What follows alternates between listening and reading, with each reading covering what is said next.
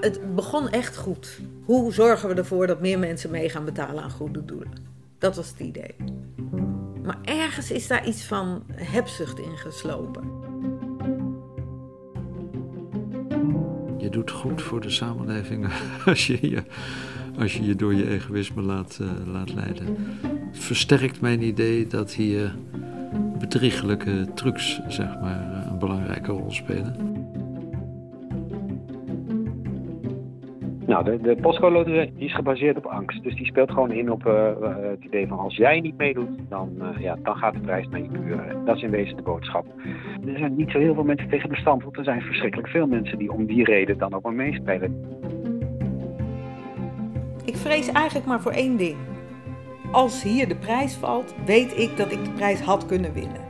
En ik weet niet hoe ik me dan voel. Ik denk dat ik me niet fijn voel. Dat is, dat is, mijn, dat is mijn enige reden om dit te doen. Die hadden echt zoiets van, is dit voor een raar mens? Mij gaat bellen om bij te staan in een zaak tegen de postloterij vanwege het feit dat ze verloren heeft. Ja, als je niet wil verliezen, koop je doten. Anders heb ik het ook ervaren dat ze zeiden, ja, waarom doe je dan niet mee? Waarom doe je dan niet mee? Weet je wel, met andere woorden, ja, nu zitten we dus met een probleem. Jij doet niet mee.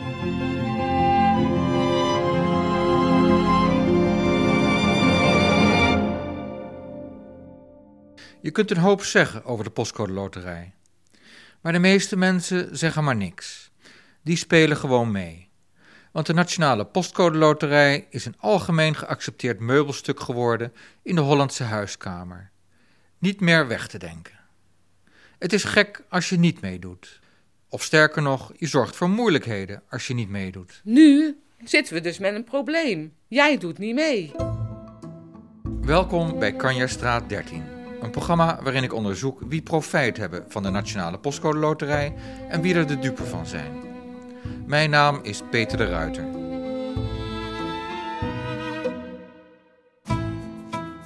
Mijn aandacht voor de Postcode Loterij werd deze zomer getrokken door schrijver Pieter Waterdrinker. In het tv-programma Op 1 hoorde ik hem vertellen over zijn nieuwe boek, De Rad van Amsterdam. Daar speelt de zogeheten Nationale Armenloterij een rol in. Dit zegt de schrijver over zijn hoofdpersoon Ruben Katz, die eind vorige eeuw vanuit het Oostblok naar Nederland emigreert. Uh, maar uiteindelijk blijft hij in Amsterdam hangen. Hij integreert heel snel, hij doet het gymnasium en dan komt hij hier in Nederland te werken bij een, de Nationale Armenloterij. Een loterij. Klinkt als postcode loterij. Ja, daar komt ja. ook het woord rat vandaan. ja. Dat is een rattenbolwerk waarbij hij kan afdalen in de gouden rioolstelsel rond de hoofdstad. En iedereen helpt elkaar. En ze pretenderen het goede voor de, voor de mensheid, maar ondertussen denken ze ook heel erg aan zichzelf. Hoewel de auteur zegt dat in zijn verhaal elke overeenkomst met de werkelijkheid op toeval berust, is mijn interesse voor het reilen en zeilen van de postcode loterij gewekt. Ik koop het boek en ga op onderzoek uit. Een van de eerste die ik spreek is programmamaakster Karin Schagen. Zij geeft toe niet te durven stoppen met meedoen. Want stel. Als hier de prijs valt, weet ik dat ik de prijs had kunnen winnen. En ik weet niet hoe ik me dan voel. Ik denk dat ik me niet fijn voel. Karin herinnert zich een kwestie van een jaar of 15 terug. De postcode loterijprijs was gevallen in Heusden. En daar was een mevrouw en die had uh, geen lot. En die, was, die, die werd geloof ik geïnterviewd op een nare manier. En ik geloof dat ze moest huilen. Zoiets herinner ik me nog. En zij was achteraf heel boos over, over het gevoel wat zij had gekregen omdat ze niet had gewonnen. En de anderen in haar straat hadden wel gewonnen. En iedereen viel over haar heen. Iedereen deed naar tegen haar. En ze zeiden: Wat een slechte verliezer. En zo werd het ook een beetje gebracht. En ik dacht: Het klopt gewoon wat zij vindt en wat zij voelt. Waar het om ging is dat ze meedeed met de loterij, ondanks dat ze niet betaalde. Je weet wanneer je verliest. Dat is de essentie van de postcode loterij. Je doet altijd mee, ook al betaal je niet. Dus als je buren winnen, heb jij verloren. En dat is het verschil tussen de postcode loterij en een andere loterij. Als ik, niet, als ik ervoor kies om niet met de staatsloterij mee te doen, dan weet ik nooit of ik gewonnen zou hebben. Bij de postcode loterij weet je, ik zou gewonnen hebben. Want, kijk naar de buren. Dat is een heel, heel essentieel ding van de postcode loterij. Meedoen terwijl je niet meedoet. En dus ook verliezen als je niet kan verliezen. Want hoe kun je verliezen als je niet meedoet? Dat is inderdaad heel vreemd. Dat je gewoon ehm, een verliezer kan zijn in een spelletje waar je zelf geen eh, contract voor hebt ondertekend, zeg maar. Je hebt je niet geconformeerd aan de deelnemersvoorwaarden. En dit is die mevrouw uit Heusden, een vestingstadje in de buurt van Sertogenbos. Ze heet Helene de Gier. Hoe krijgt de postcode loterij het voor elkaar dat je je verliezer voelt? Uh, doordat je zeg maar uh, tegenover uh, de winnaar komt te staan, echt heel direct. Die naast jou woont en door het spektakel wat ze dan ook oprichten, om heel die straat, want men wint samen, in het zonnetje te zetten. Dus je wordt heel erg geconfronteerd met het verschil. Dus op het moment dat um, jouw buren in de postcode loterij winnen... en jij zelf ook weet dat je gewonnen zou hebben als je deel had genomen... dan krijg je de situatie dat die buren zeg maar, op de toppen van de Himalaya... met vlaggetjes lopen te zwaaien, bij wijze van... En jij als uh, verliezer in diezelfde loterij uh, ergens in uh, een rioolput gedumpt wordt. In de Hoogstraat in Heusden winnen dat jaar acht adressen samen 15 miljoen euro. Wat gebeurt er in het fraai gerestaureerde historische stadsbeeld? De week voorafgaand aan het feitelijke uitdelen van de hoofdprijs, de postcode Kanje, stond natuurlijk heel de buurt, niet alleen de straat, maar heel de buurt op zijn kop. Want de postcode loterij had hier bezit genomen van uh, ons vestingstadje. Er was iedere dag gewoon spektakel. Ik bedoel, Henny Huisman reed in een Porsche rond met een megafoon te roepen dat er miljoenen aankwamen voor uh, deze plaats. Uh, Martijn Cabé liep met checks rond over het pittoreske brugje op de stadshaven. Om aan te tonen hoeveel geld hier nou wel niet uitgedeeld zou worden.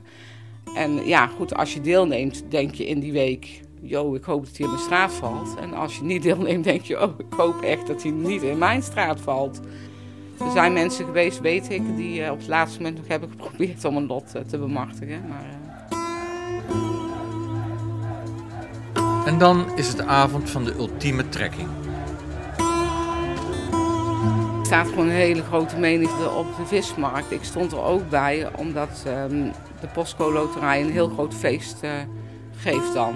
Alles gratis uitgedeeld wordt. En mijn kinderen toen klein op de basisschool wilde natuurlijk ook naar het feest. Dus ja, dat doe je als moeder, dan ga je. Anders was ik er niet eens bij gaan staan. De eerste letter, daar komt hij aan. Het is Heusden. Die cijfers zijn al bekend. Dan moeten de letters nog gedraaid worden. Dus een grote fruitautomaat die gaat dan rollen. En uh, dan springt hij op de eerste letter en dan wordt verzocht of iedereen die met die eerste letter de postcode heeft naar voren komt. Dus dan is er een enorme reuring in die mensenmenigte die daar staat. En iedereen die zeg maar, de eerste letter goed, goed heeft, die gaat naar voren. En vervolgens uh, duurt het even voordat zo'n tweede letter uh, in die fruitautomaat tot stilstand komt.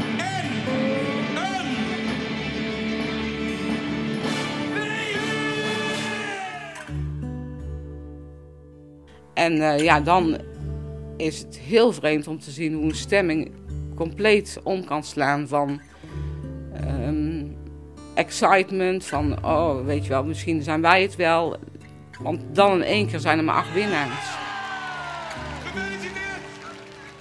Men voelt zich toch ook op dat moment, ja, jammer. Ja, als je deelneemt, ik heb het niet. En, en er zijn mensen die zeggen, ja, goh, dus in mijn straat is echt heel erg zuur. Ja, je realiseert je dat je gewoon een miljoen euro had kunnen winnen. En die heb je op dat moment niet. En ja, ook terecht, omdat je niet meedoet natuurlijk. Maar ja, je weet wel dat je het had kunnen hebben. En die wetenschap is natuurlijk heel hard.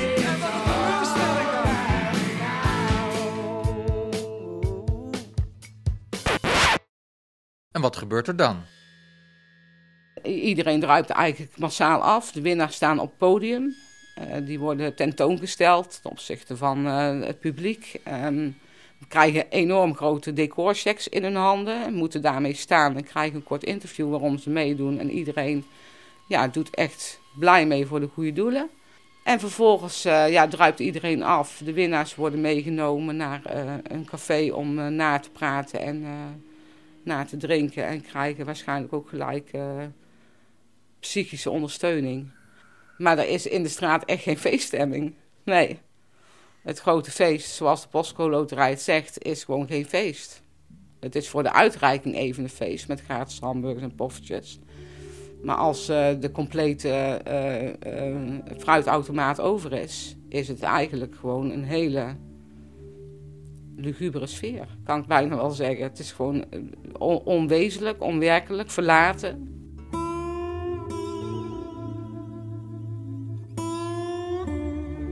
Al die mensen die ik had gezien in mijn buurt, die gaven zichzelf de schuld. Allemaal zeiden ze, ja, stom, ik had gewoon lood moeten kopen. En ik dacht, ja, hallo, dat is echt de omgedraaide wereld. Wij worden geraakt. En dan moet je achteraf gaan zeggen, stom, dan had ik maar lood moeten kopen. Ik dacht, ja, nee, er is in het systeem iets niet goed. Omgedraaide wereld of niet, er zijn miljoenen mensen die meedoen. En sommigen winnen ook een prijs. Zoals Vera Driessen uit Groesbeek dit jaar overkwam. Ze heeft er wel lang op moeten wachten. Ik deed volgens mij al 30 jaar mee. En hoe vaak heeft ze gewonnen? Eén keer. Waarom deed Vera mee? Gewoon in de hoop een keer iets te winnen. Ja, als je nergens aan meedoet, dan weet je ook dat je niet wint. Was het ook voor het goede doel? Ja, ook wel. Ook wel. Dan, dan, dan doe je gelijk, nou ja, iets goeds. Maar dat is een bijkomend iets.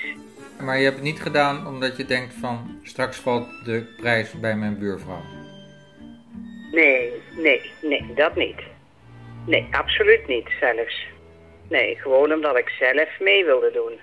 En niet omdat misschien de buurvrouw uh, iets kan winnen.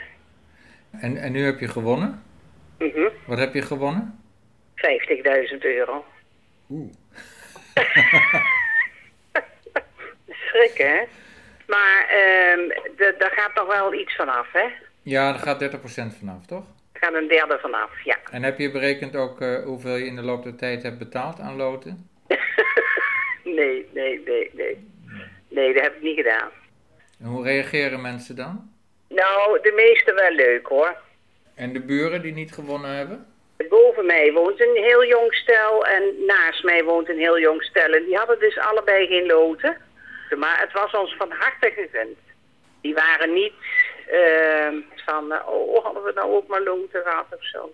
Dat heb ik in ieder geval niet gehoord. Bij meneer Wolf in Wezep is in de straat een grote prijs gevallen. Maar helaas niet bij hem. Hij had geen lot. Hij had daarvoor wel 25 jaar meegedaan. Ik heb er eerder wel meegedaan, maar de, het was, uh, we hadden, ik had toen twee loten en nog ergens twee loten van. En ik, uh, toen word ik wederman en uh, toen wordt het mij allemaal te veel, het wordt me te veel geld. En toen ben ik me gestopt. Vindt hij dat niet jammer? Ja, het is altijd jammer, maar ik, ik, zit, ik zit er niet mee. Ik heb niet meegedaan, dan uh, kan ik er makkelijk met leven hoor. Wiens idee was het om mee te doen? Er was de baas in die deed dat. Ik bemoeide me nergens mee. Ik vind alles goed. Twee had ik er. Ha. En uh, toen zegt mijn dochter nog, hij zegt, uh, hij zegt papa, ouder, de ouder dan één. Ik zeg, nou, ik stap er helemaal mee. En, en uw dochter, speelt hij zelf nog? Dat dacht ik, dat dacht ik wel. Ah. En wint hij wel eens wat? Nou, ik geloof niet dat hij wat gewonnen heeft. Hij doet voor een goed doel, maar hij doet ook wel voor winnen wat winnen. Zou ik misschien nog met uw dochter kunnen spreken, denkt u? Oeh, ja, jawel, dat misschien wel. Ja? Heeft u haar nummer bij de hand? Uh, jawel.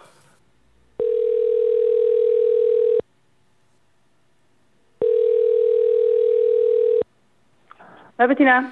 Dag, met Peter de Ruiter. Goedemiddag. Ik hoop dat ik gelegen bel. Uh, ja? Ik heb uw nummer gekregen van uw vader in uh, Wezep. Uh, Ja. Want ik, ik ben journalist en ik heb hem kort gesproken over de postcode loterij. Ja, want ja, die was bij hem in de straat gevallen. Ja. Maar hij deed niet meer mee. klopt. Ja. Maar toen zei hij van dat u nog wel meespeelt. Ja. Uh, mag ik vragen hoe lang u dat al doet? Poeh, uh, nou, wat zal het zijn? Uh, jaar of twintig, denk ik. Oh. Dat is al een heleboel geld dan. Nou ja, ja, het is voor een goed doel ook, dus...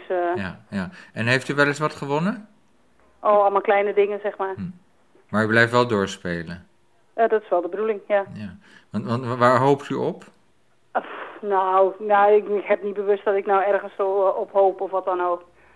Alles wat komt is meegenomen. Ja, ja, ja. ja. Want, want wat is de reden dan om mee te spelen? Nou, in eerste instantie voor het, uh, het goede doel. En kijk, uh, valt het in de straat, dan heb je niet dat je er net niet bij hoort, zeg maar. Dus, maar het uh, belangrijkste is het goede doel. Maar ja, het, het, goede doel, die kunt u ook direct natuurlijk geld geven, hè?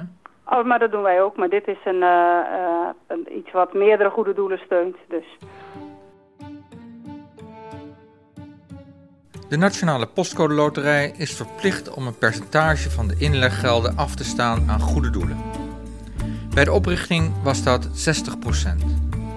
Later werd het 50% en sinds kort is het 40%. Ik spreek tenslotte ook nog een winnaar in Wezep. Ja, ik heb meegespeeld en ik heb gewonnen. Was dat de eerste keer? Dat was de eerste keer. Want, want hoe lang speelde u al mee dan? Vanaf het begin. Vanaf het begin, maar dat is 30 jaar geleden? Ja. En, en, en waar, waarom heeft u trouwens meegedaan al die jaren? Nou, ooit een keer uh, prijs te winnen. En heeft u bij elkaar opgeteld hoeveel u heeft uitgegeven aan de postcode loterij? Nou, de kinderen hebben het uitgerekend. Ze kwamen geloof ik iets op 7000 euro. En u heeft nu 25.000 gewonnen? Ja, maar hij heeft niet gewonnen, hè? Dan gaat nog belastinggeld af. 17.000 euro. Dus, uh, nou ja, de, de, de aanhouder wint, zullen we maar zeggen dan, hè? Juist. De aanhouder wint, hoor je mij zeggen. Maar is dat wel zo? Maak je, als je langer speelt, meer kans? Nee. Het computerprogramma dat de trekking verricht denkt niet: Nou, die mevrouw speelt al zo lang mee, die heeft nu wel een flinke prijs verdiend. Hoe komt het dan dat mensen dat kennelijk wel denken? We keren terug naar het huis van Karin Schagen. Ik weet dat mijn man een tijdje geleden een, uh, een lot probeerde op te zeggen. Want hij had, nog, hij had volgens mij nog, dat wist ik niet eens, een lot op, de, op ons vorige adres. En hij was het zat en hij uh, belde om op te zeggen. En toen zei iemand tegen hem: Weet je wel hoeveel geld je er al aan hebt besteed? Zo'n beetje zo'n. Uh, je hebt er al zoveel geld uh, ingestopt. Nou is het helemaal zonde om te stoppen. Stel je voor dat overmorgen uh, je zou winnen. Pressie is het niet, maar het is wel zoiets eigenlijk heb je daar een term voor. Sunk cost fallacy.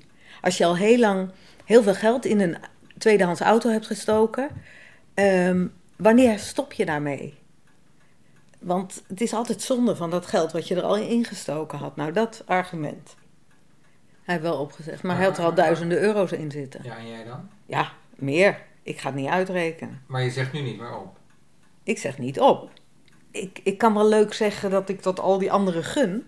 Maar ik gun het mezelf echt ook. En dat, ik denk dat ik me daar toch vervelend onder voel.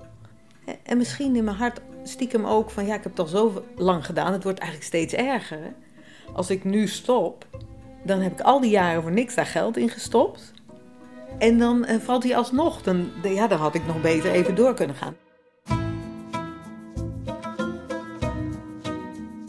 Hoe irrationeel kun je zijn? Wikipedia vergelijkt sunken costs met het zwarte gat van de Concorde, het supersonische vliegtuig dat nooit rendabel zou worden. Waren er dan toch mensen die geloofden dat ze hun investering eruit zouden halen?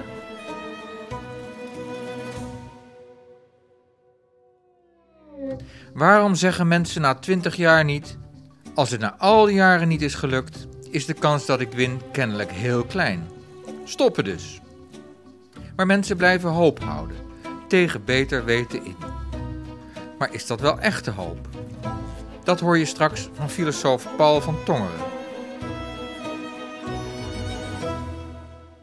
Maar eerst nog even terug naar Karin Schagen, aan wie ik vraag of ze soms verslaafd is en of ze mee zou doen aan een cursus om eraf te komen, mocht die bestaan.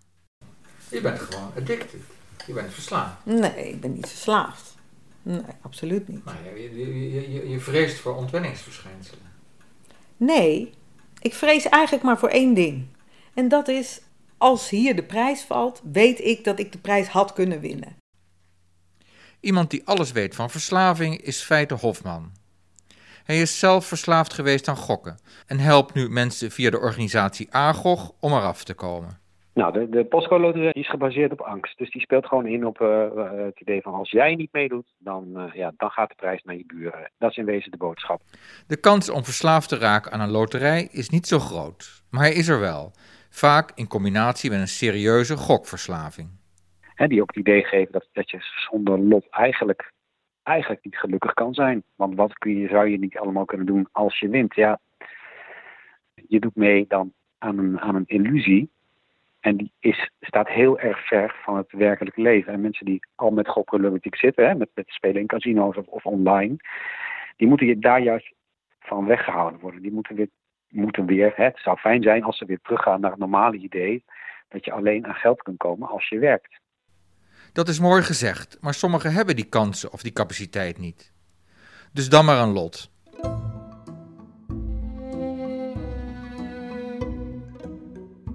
Feiten waarschuwt voor de overrompelende reclame voor de postcode loterij. Die is gewoon overal om ons heen. Die, uh, die is, dat is constant in de media, in de, in de, op tv, radio, krampen, uh, bushokjes, noem maar op. En dat, is, uh, dat, dat maakt het zo ontzettend groot.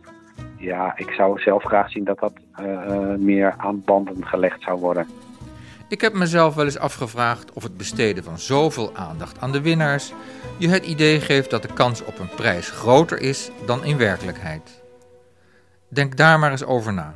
De kans is echt vele malen groter dat je, dat je door de bliksem wordt getroffen dan dat je de hoofdprijs in een loterij wint. En ik zou ook heel graag zien dat mensen die meedoen en die ermee willen stoppen, dat het makkelijker gaat. Want het is ontzettend makkelijk om via het internet wat nog meer loten aan te schaffen. Constant worden ook mensen die al meedoen benaderd met, god, zou je niet, uh, uh, je kunt nu een aantal lotografen erbij krijgen en dan een maand later of twee maanden later moet je ervoor gaan betalen.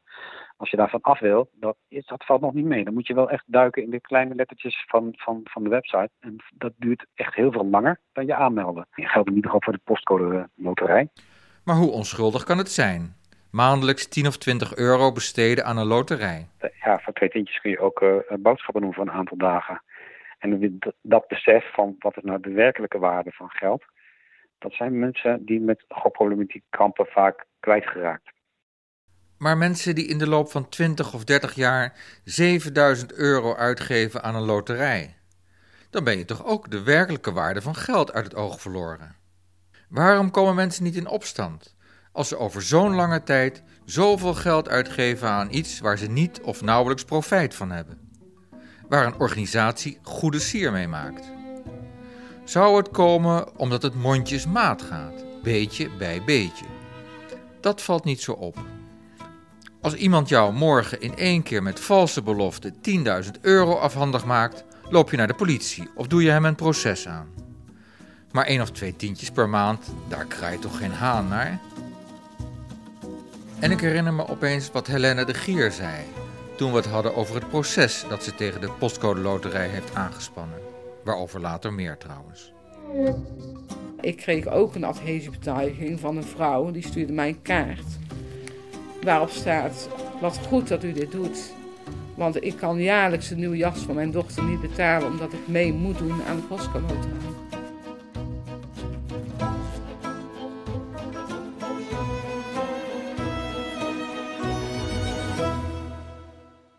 Geef het woord aan marketingdeskundige Raymond Vonk. In uh, mei van dit jaar zat ik in de auto en hoorde ik uh, advertentie op de radio van ja, we zijn in de coronatijd en uh, we moeten onze ondernemers helpen. En dat kan door mee te spelen met de postcode loterij. 12,5 miljoen aan extra prijzen zijn er te winnen.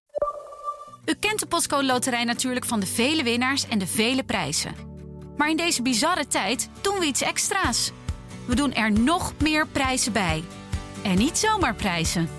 Prijzen om de ondernemers in uw buurt te steunen. Zoals uw bakker, groenteboer of favoriete restaurant. Want die kunnen wel een steuntje in de rug gebruiken. Deze maand breiden we ons prijzenpakket uit met 12,5 miljoen euro aan cadeaukaarten te besteden bij ondernemers bij u in de buurt.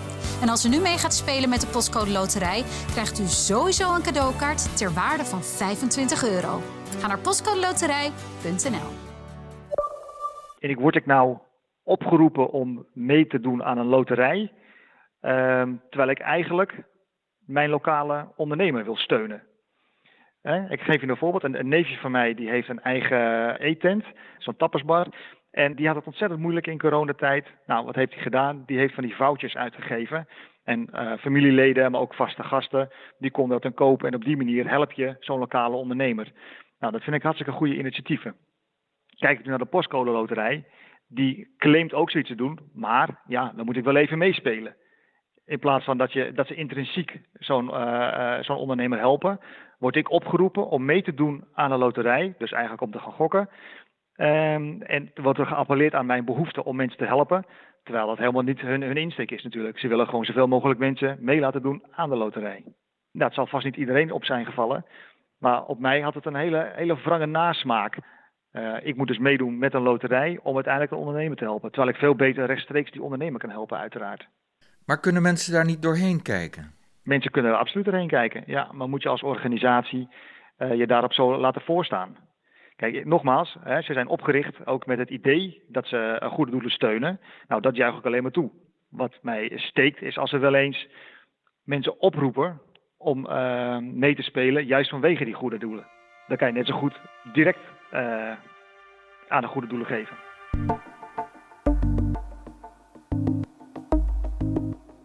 Als ik het mag samenvatten, als je dan zo'n goede inborst hebt, zoals de postcode loterij zegt te hebben, stuur mensen dan direct naar de goede doelen. Probeer ze niet binnen te halen in je eigen winkel, want in die zeef blijft 60% van dat geld hangen. De hulp aan goede doelen is een onwaarachtig argument. En dat is niet goed voor de reputatie van dat bedrijf, zegt Raymond Vonk. Want dat is zijn werk: organisaties een goede reputatie bezorgen. Een beter imago. Ik vind het ethisch laakbaar, laat ik het zo noemen. Ik, ik zou het zelf niet gedaan hebben. Ik zou het ook zelf niet geadviseerd hebben als adviseur zijnde. Um, maar om er echt te kijken, het is niet misleidend. Want ja, ze zeggen uh, dat je mee moet spelen en daarmee met dat geld kunnen ze gaan helpen. Dus er is in die zin geen misleiding. Ik vind alleen ethisch niet in de haak.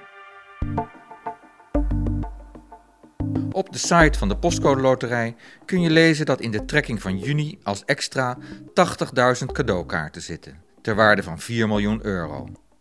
Voorbeelden van die kaarten zijn de Bakkers cadeaukaart, de IJs cadeaukaart, de Fashion Check en de Hema cadeaukaart.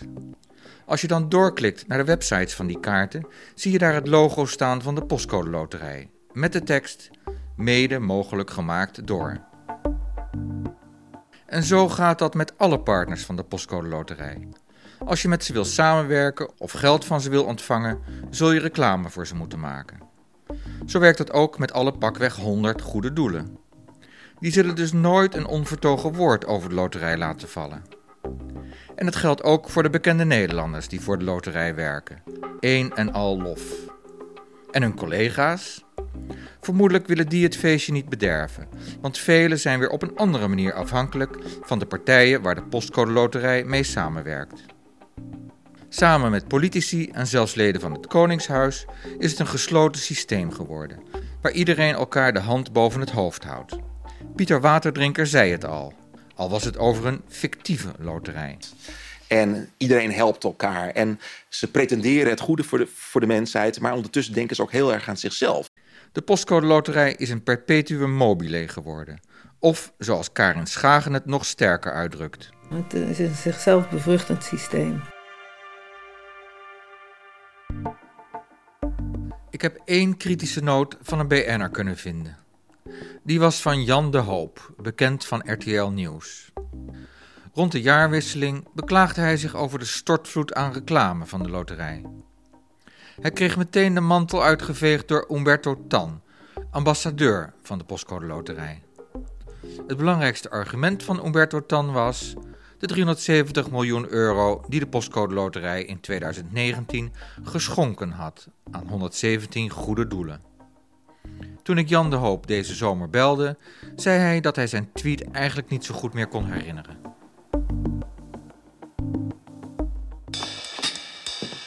Zelfs als er niemand meer is, is er iemand. Nou, wat is hij vrolijk, hè? Dat noemen we voorpret. Spotjes die ik leuk vind, zijn die van de concurrent, de staatsloterij, wiens maandelijkse trekking zich in relatieve stilte afspeelt. Je ziet alleen soms op de deur van een winkel staan: Het winnende lot van vorige maand is op deze plek gekocht. Wat heb je aan die informatie?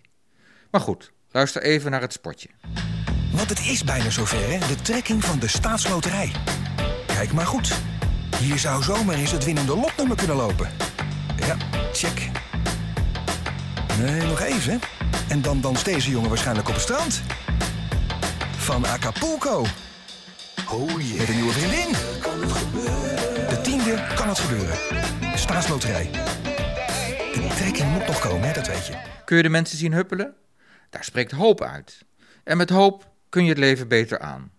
Dat is althans bij mij het geval. En mag dat dan een tientje per maand kosten?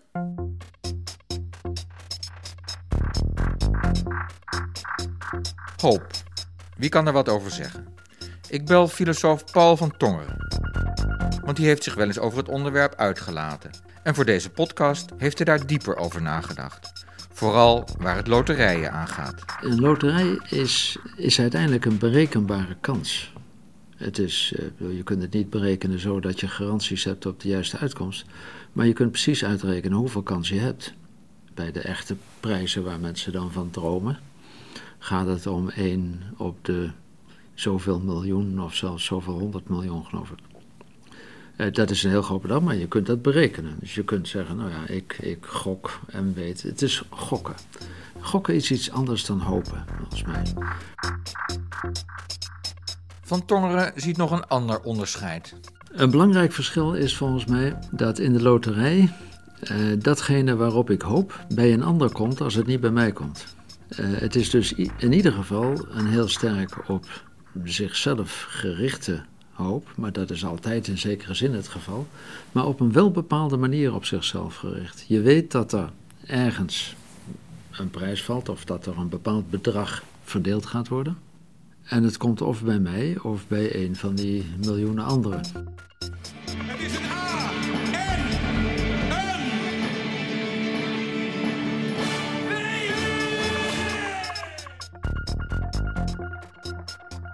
In de definitie van Paul van Tongeren gaat het resultaat van hoop niet ten koste van anderen. Misschien kun je beter zeggen wij hopen in plaats van ik hoop. Is dat niet een mooier gegeven dan wat Helena de Gier heeft ervaren?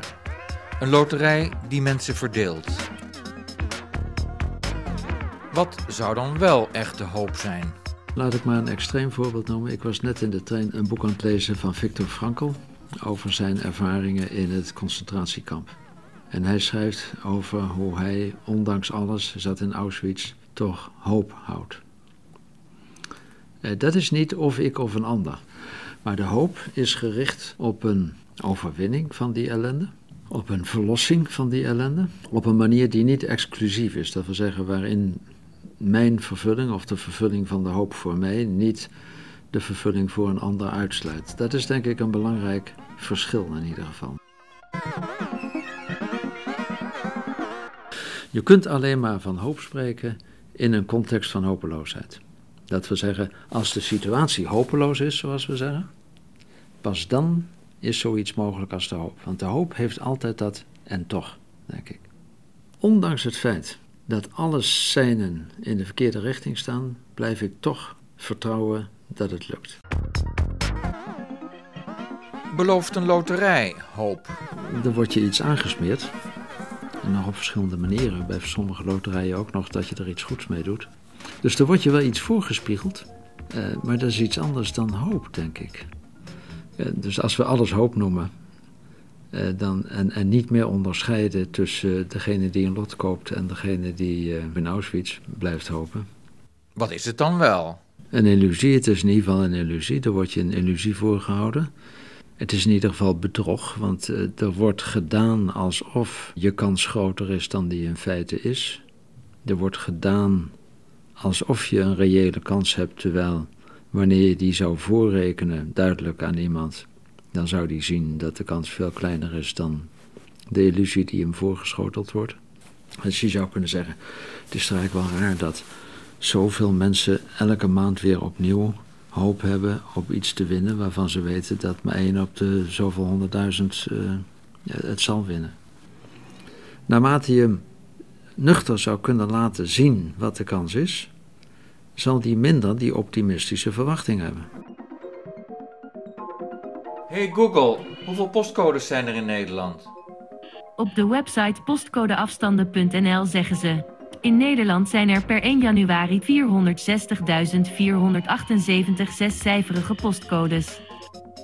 Dan blijkt nog een keer het leugenachtige, zou ik bijna zeggen, van wat, je hier hoop zou willen, wat, wat jij hier hoop zou willen noemen. Op het moment dat je ziet dat die illusoren verwachting die je had niet uitkomt, zie je dat mensen die verwachting op een andere manier gaan rechtvaardigen. Dat wil zeggen, hun aankoop van een lot op een andere manier gaan rechtvaardigen. Het was voor het goede doel. Dan was het dus geen hoop, geen vertrouwen dat het goed kwam. Dan was het een stiekeme gok, waarvan men eigenlijk ook wel weet dat het een beetje dwaas is. En dan als de dwaasheid zichtbaar wordt, uh, zegt ja, maar het was eigenlijk voor iets anders.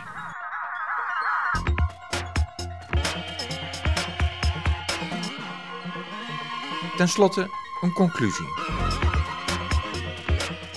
Die verbinding van uh, de goede doelen die er dan bij zit met het eigenlijk egoïstisch karakter van dit soort van hoop. Dat je weet dat wat jij krijgt de ander niet krijgt. Hè? Dus dat exclusieve voor jezelf. Als dat verbonden wordt met je doet er iets goeds mee voor Jantje Beton of wie dan ook. Dan lijkt het illusoire karakter of het bedriegelijke karakter nog een keer extra naar voren te komen. En dat wordt verpakt in een. Uh, je doet goed voor de samenleving als je je, als je, je door je egoïsme laat, uh, laat leiden. Dus, uh, versterkt mijn idee dat hier bedriegelijke trucs, zeg maar, een belangrijke rol spelen.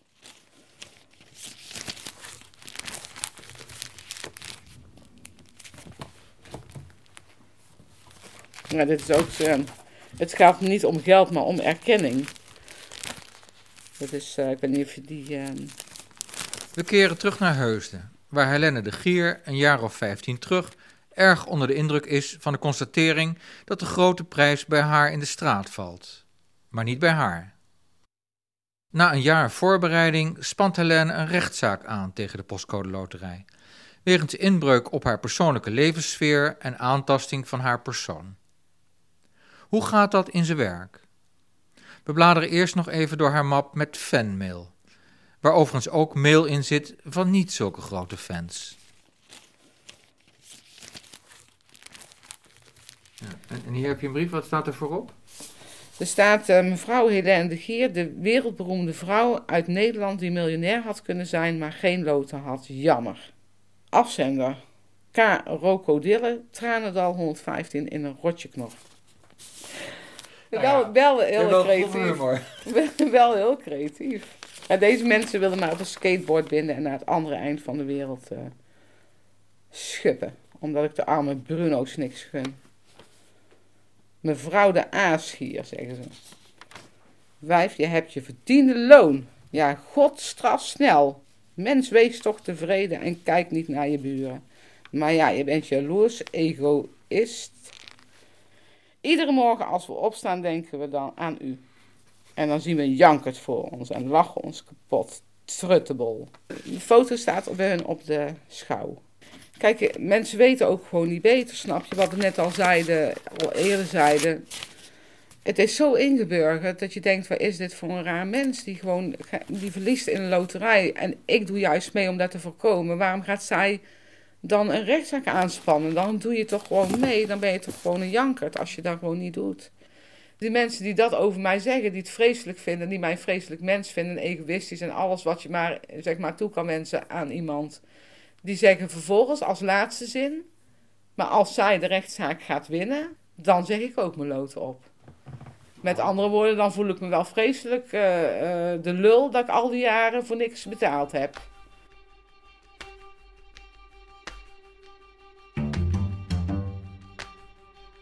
Helene realiseert zich dat als ze haar zaak wint, de postcode loterij het systeem moet veranderen. Omdat de organisatie niet iedereen kan gaan compenseren die na haar ook een zaak aanspant. De gang naar de rechtbank komt langzaam op gang, want het is niet zo makkelijk om een advocaat te vinden. Iedereen die belde en die, uh, die vroeg, zei ja, licht, dan koop je toch loten? Die hadden echt zoiets van, is dit voor een raar mens? Mij gaat bellen om bij te staan in een zaak tegen de postcode loterij vanwege het feit dat ze verloren heeft. Ja, als je niet wil verliezen, koop je loten. Dus het is gewoon bijna ingeburgerde manipulatie.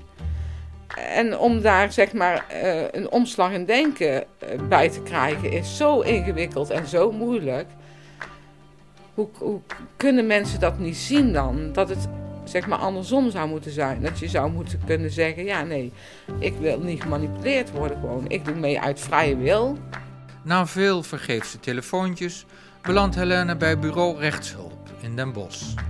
Ik vertelde um, het verhaal en um, ik had mijn ordner bij met al de dingetjes die ik verzameld had. En hij zat tegenover me en hij begon echt te knikken van ja, ik begrijp het helemaal. En toen ik mijn verhaal klaar had, zei hij, je hebt gewoon gelijk.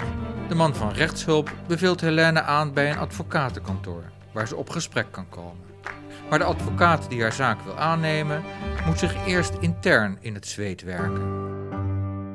Zij moest pleiten voor haar collega's om aan te tonen dat zij echt geloof had in, in het feit dat ze die zaak kon winnen.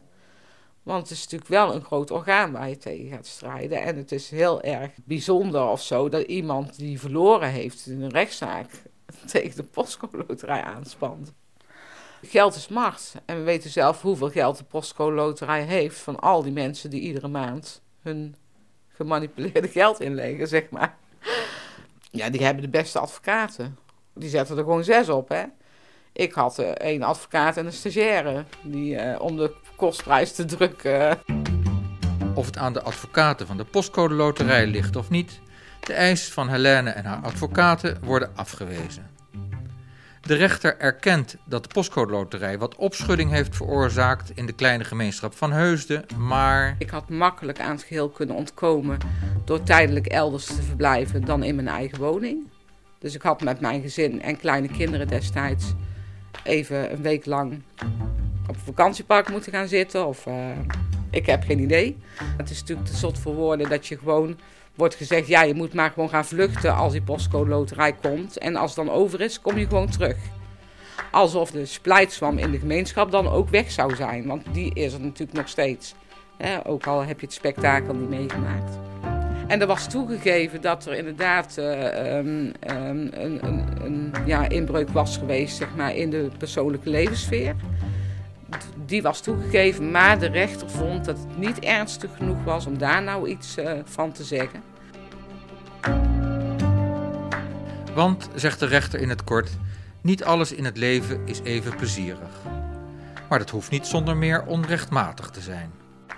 Het tweede punt betreft de zogenoemde angstmarketing. De rechter verbaast zich er kennelijk over dat Helene zich beklaagt over psychische schade en over de, wat zij noemt, morele chantage die de postcode loterij tentoonspreidt. Zij staat volgens de rechter namelijk stevig in haar schoenen, want ze is daartegen bestand gebleken. Was toch sterk genoeg geweest om de chantage te kunnen weerstaan. Ze had immers geen loten gekocht. Dat de rechterlijke macht in Nederland zegt, vind ik echt ongelooflijk. Met andere woorden, als iemand jou emotioneel onder druk zet, maar je valt desondanks niet om, gaat de dader vrij uit. Dat zou betekenen dat Helene misschien een zaak had gehad als ze wel een lot had gekocht. Dan draai je toch de wereld om, zegt Helene. Bij de Postco Loterij denk ik juist dat uh, niet zozeer de prijs winnen de reden is om mee te doen, maar meer de kans lopen dat je misloopt. Ook een omgedraaide wereld eigenlijk. Gevallen zoals die van Helene de Gier zijn zeldzaam. Er zijn namelijk, zoals je hebt gehoord, 460.000 zescijferige postcodes in Nederland. Stel dat de kanjerprijs niet maandelijks, maar dagelijks wordt getrokken, dan is de kans dat de grote prijs op jouw postcode valt als één dag op 1260 jaar. Maar als het gebeurt en je hebt geen lot, dan weet je hoe het voelt. Daarom is opzeggen zo moeilijk. Je zult het altijd weten als je te vroeg bent gestopt. En de prijs uiteindelijk wel op jouw postcode valt. Bij een gewone loterij zul je dat nooit weten. Maar aan de andere kant, die kans op winnen is dus niet zo groot. Is het afkopen van die angst jou duizenden euro's waard? Ook het gebruik van postcodes is volgens de rechter op zichzelf geen onrechtmatige inbreuk op de persoonlijke levenssfeer. Ook al kunnen op die manier groepsgewijs winnaars en verliezers worden aangewezen.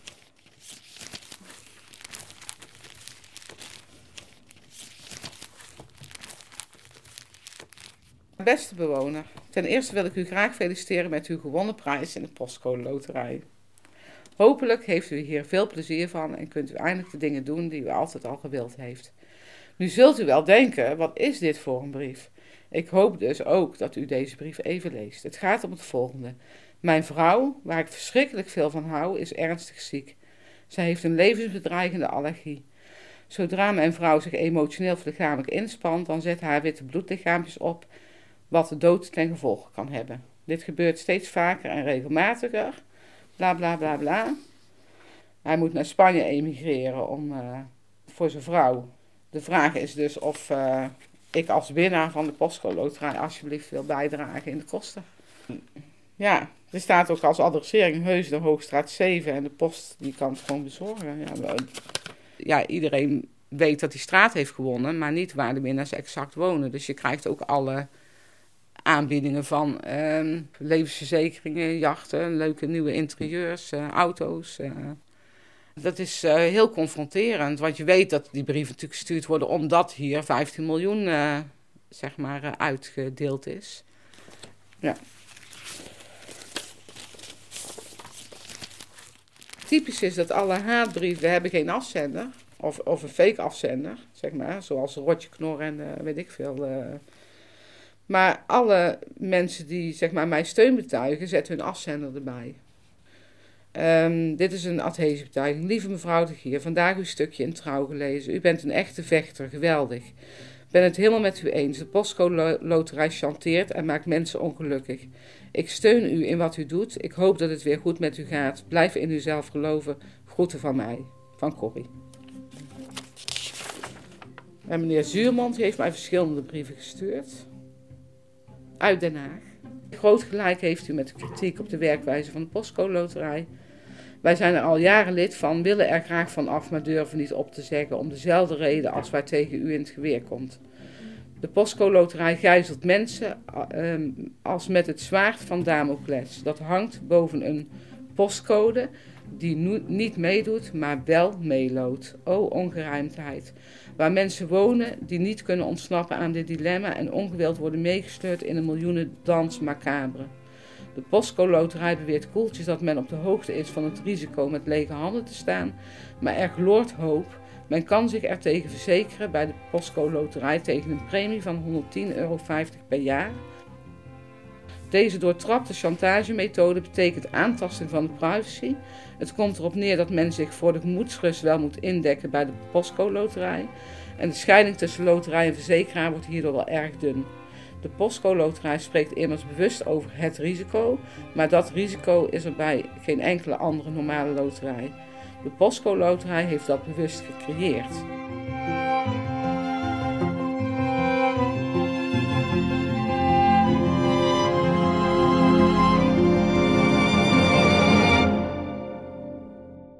Oh ja, dat boek De Rad van Amsterdam. Daar ben ik niet zo ver in gevorderd nog. Je moest eens weten hoeveel tijd je kwijt bent aan het maken van een podcast. Alleen een reisje naar Heusden kost je al drie kwart dag.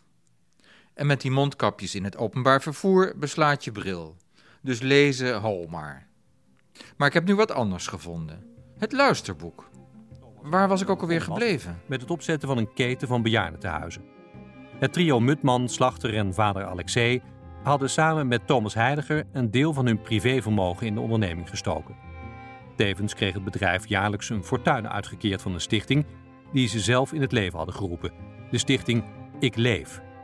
Dat was het briljante, het ronduit geniale van de oprichters van de Nationale Armenloterij. Naast de royalty-percentages van de omzet en de riante managementvergoedingen die ze opstreken, hadden ze hun stichting Ik Leef beneficiant gemaakt van hun eigen loterij. Zo konden ze zelf naar eigen smaak en goed dunken met de loterijmiljoenen voor deze wereld goed doen.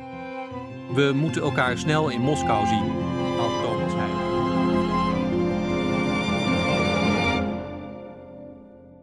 Wil je reageren op deze podcast? Stuur dan een e-mail naar info@luisterdoc.nl. Dit is een productie van Peter de Ruiter voor Luisterdoc. Klik naar luisterdoc.nl voor meer informatie. Of abonneer je in je podcast-app op Luisterdoc. Daar kun je zelfs in de auto naar luisteren. Het begon echt goed. Hoe zorgen we ervoor dat meer mensen mee gaan betalen aan goede doelen? Dat was het idee. Maar ergens is daar iets van hebzucht in geslopen.